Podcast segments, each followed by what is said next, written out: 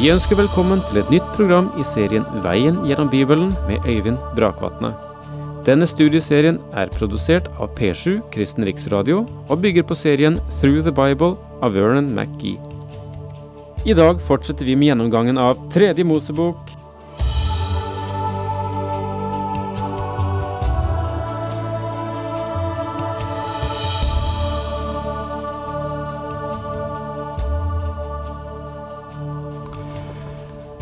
Vi er begynt på kapittel 18 i tredje Mosebok.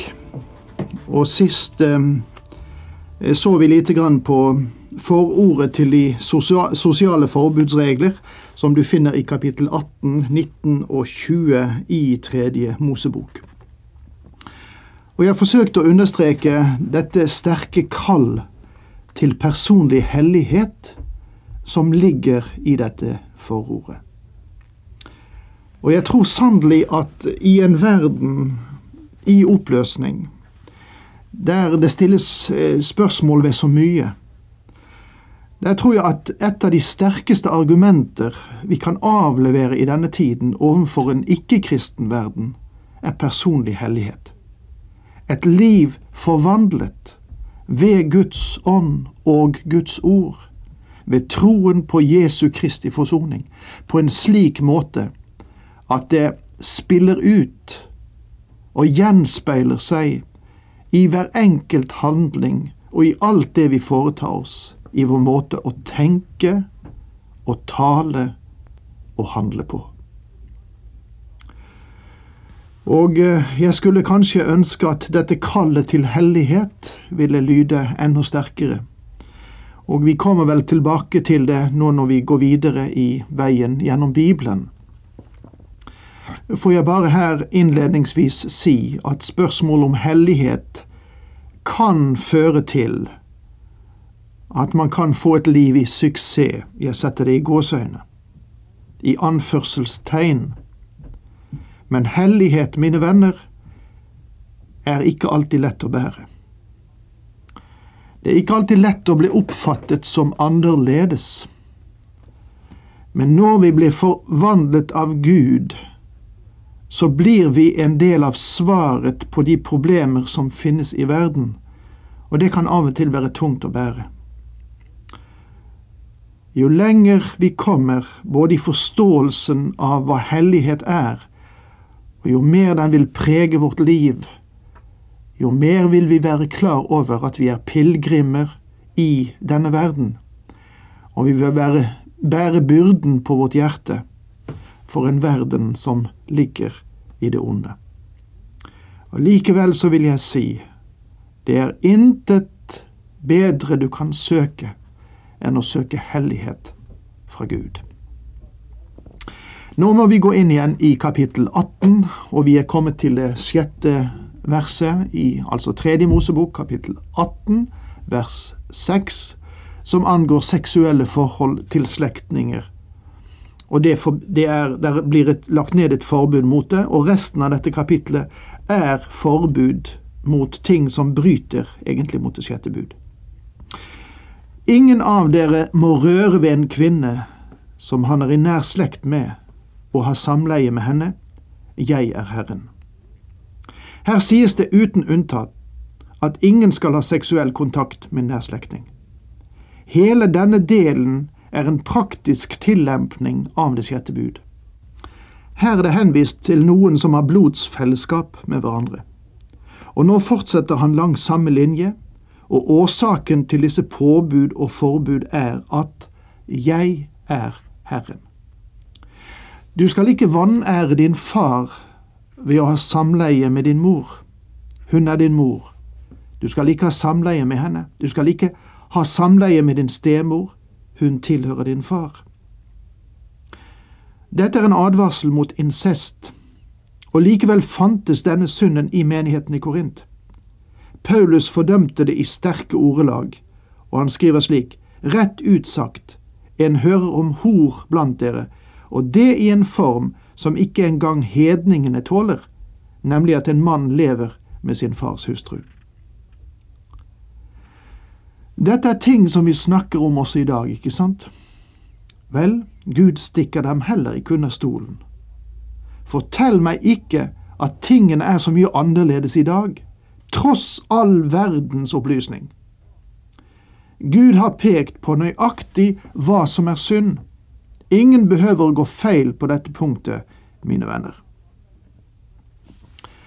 Du skal ikke ha samleie med din søster, som har samme far eller samme mor som du. Enten hun er født hjemme eller ute, skal du ikke ha samleie med henne. Du skal ikke ha samleie med din sønnedatter eller din datterdatter, for dermed fører du skam over deg selv. Du skal ikke ha samleie med din stemors datter, som også er din fars datter. Hun er din søster. Du skal ikke ha samleie med din fars søster, hun er i nær slekt med din far.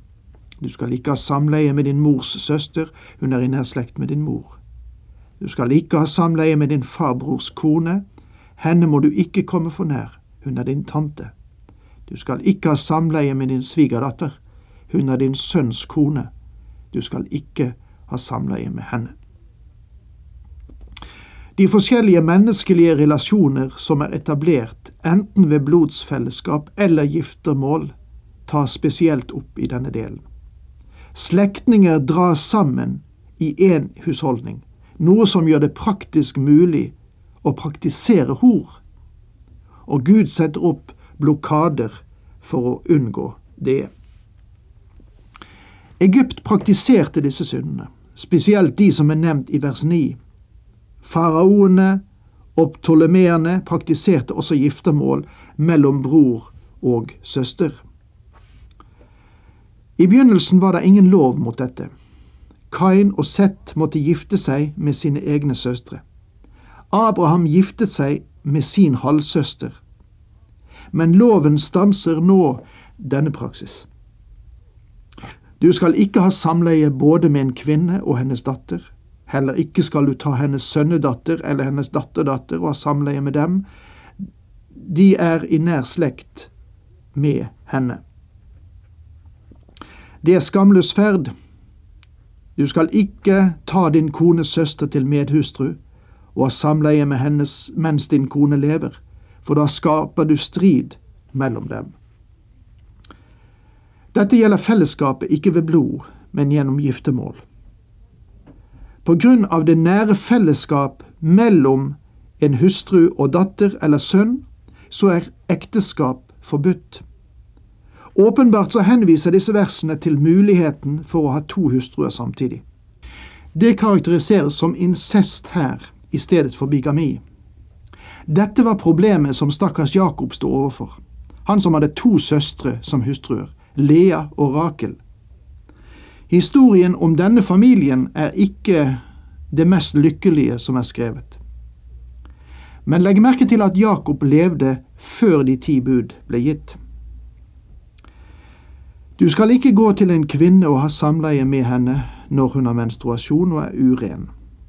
Forhold mellom en mann og hans hustru i lovlig ekteskap var forbudt til visse tider. Eh, det sensuelle sinn må underlegge seg Guds lov. Du skal ikke ha samleie med din landsmanns kone og således gjøre deg uren.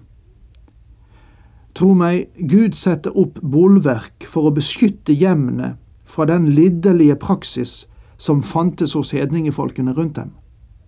Familien på jorden skulle være et speilbilde av familien i himmelen. Les Efesene 3,15.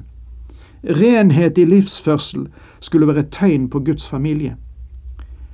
Det var et hellig sted i tabernaklet for tilbedelse. Hjemmet var et hellig sted i folket for dagliglivet. Det nye testamentet har også en hel del om dette, og det ville være klokt å lese første Korintiebrev kapittel syv i denne sammenhengen. Du skal ikke ofre noen av dine barn til Molok, står det nå videre i det 21. verset i tredje Mosebok kapittel 18 som vi behandler.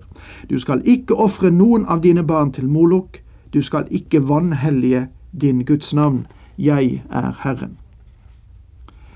Dette verset synes ikke å ha sammenheng med resten av kapittelet, men den hedenske tilbedelse av Molok var nært knyttet til seksuelle orgier.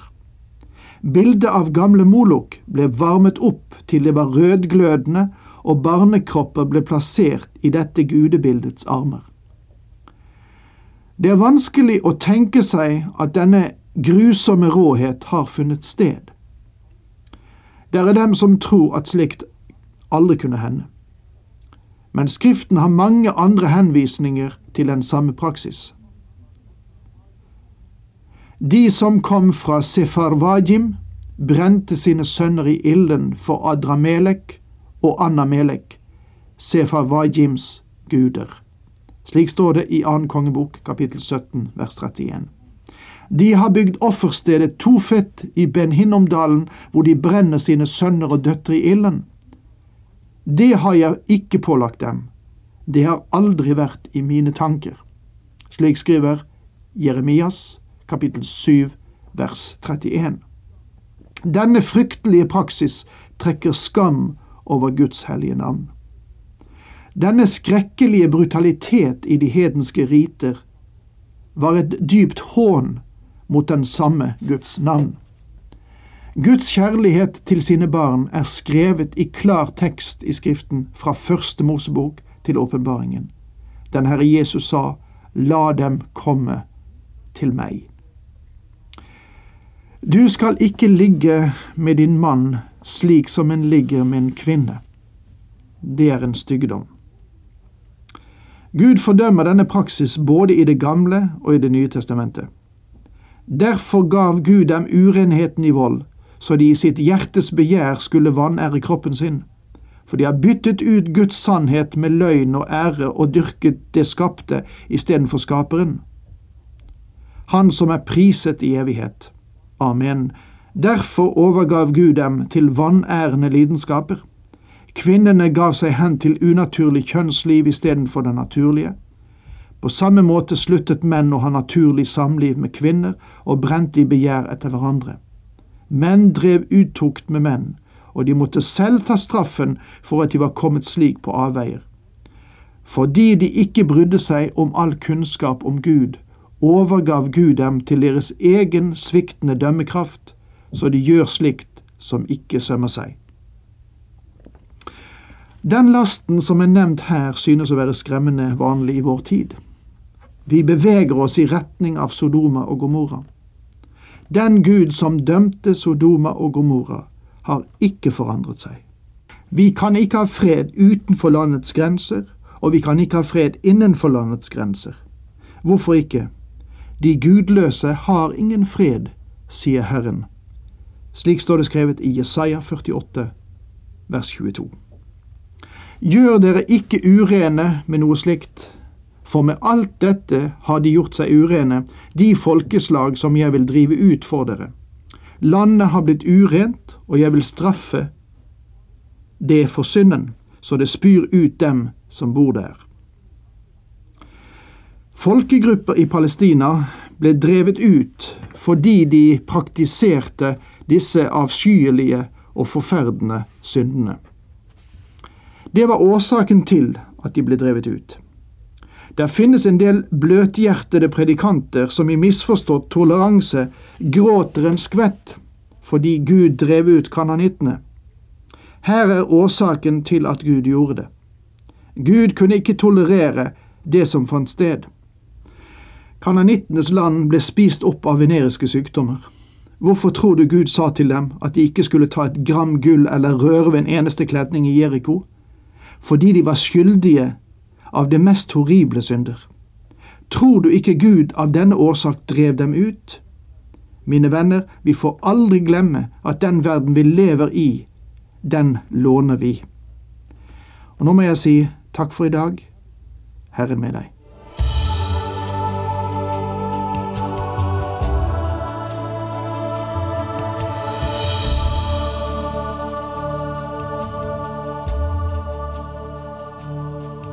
Du hørte Øyvind Brakvatne i studieserien Veien gjennom Bibelen. Serien bygger på et manus av Vern McGee. Har du spørsmål eller kommentarer til programmet, kan du sende en e-post til vgb krøllalfa p7.no. Takk for i dag, og på gjenhør.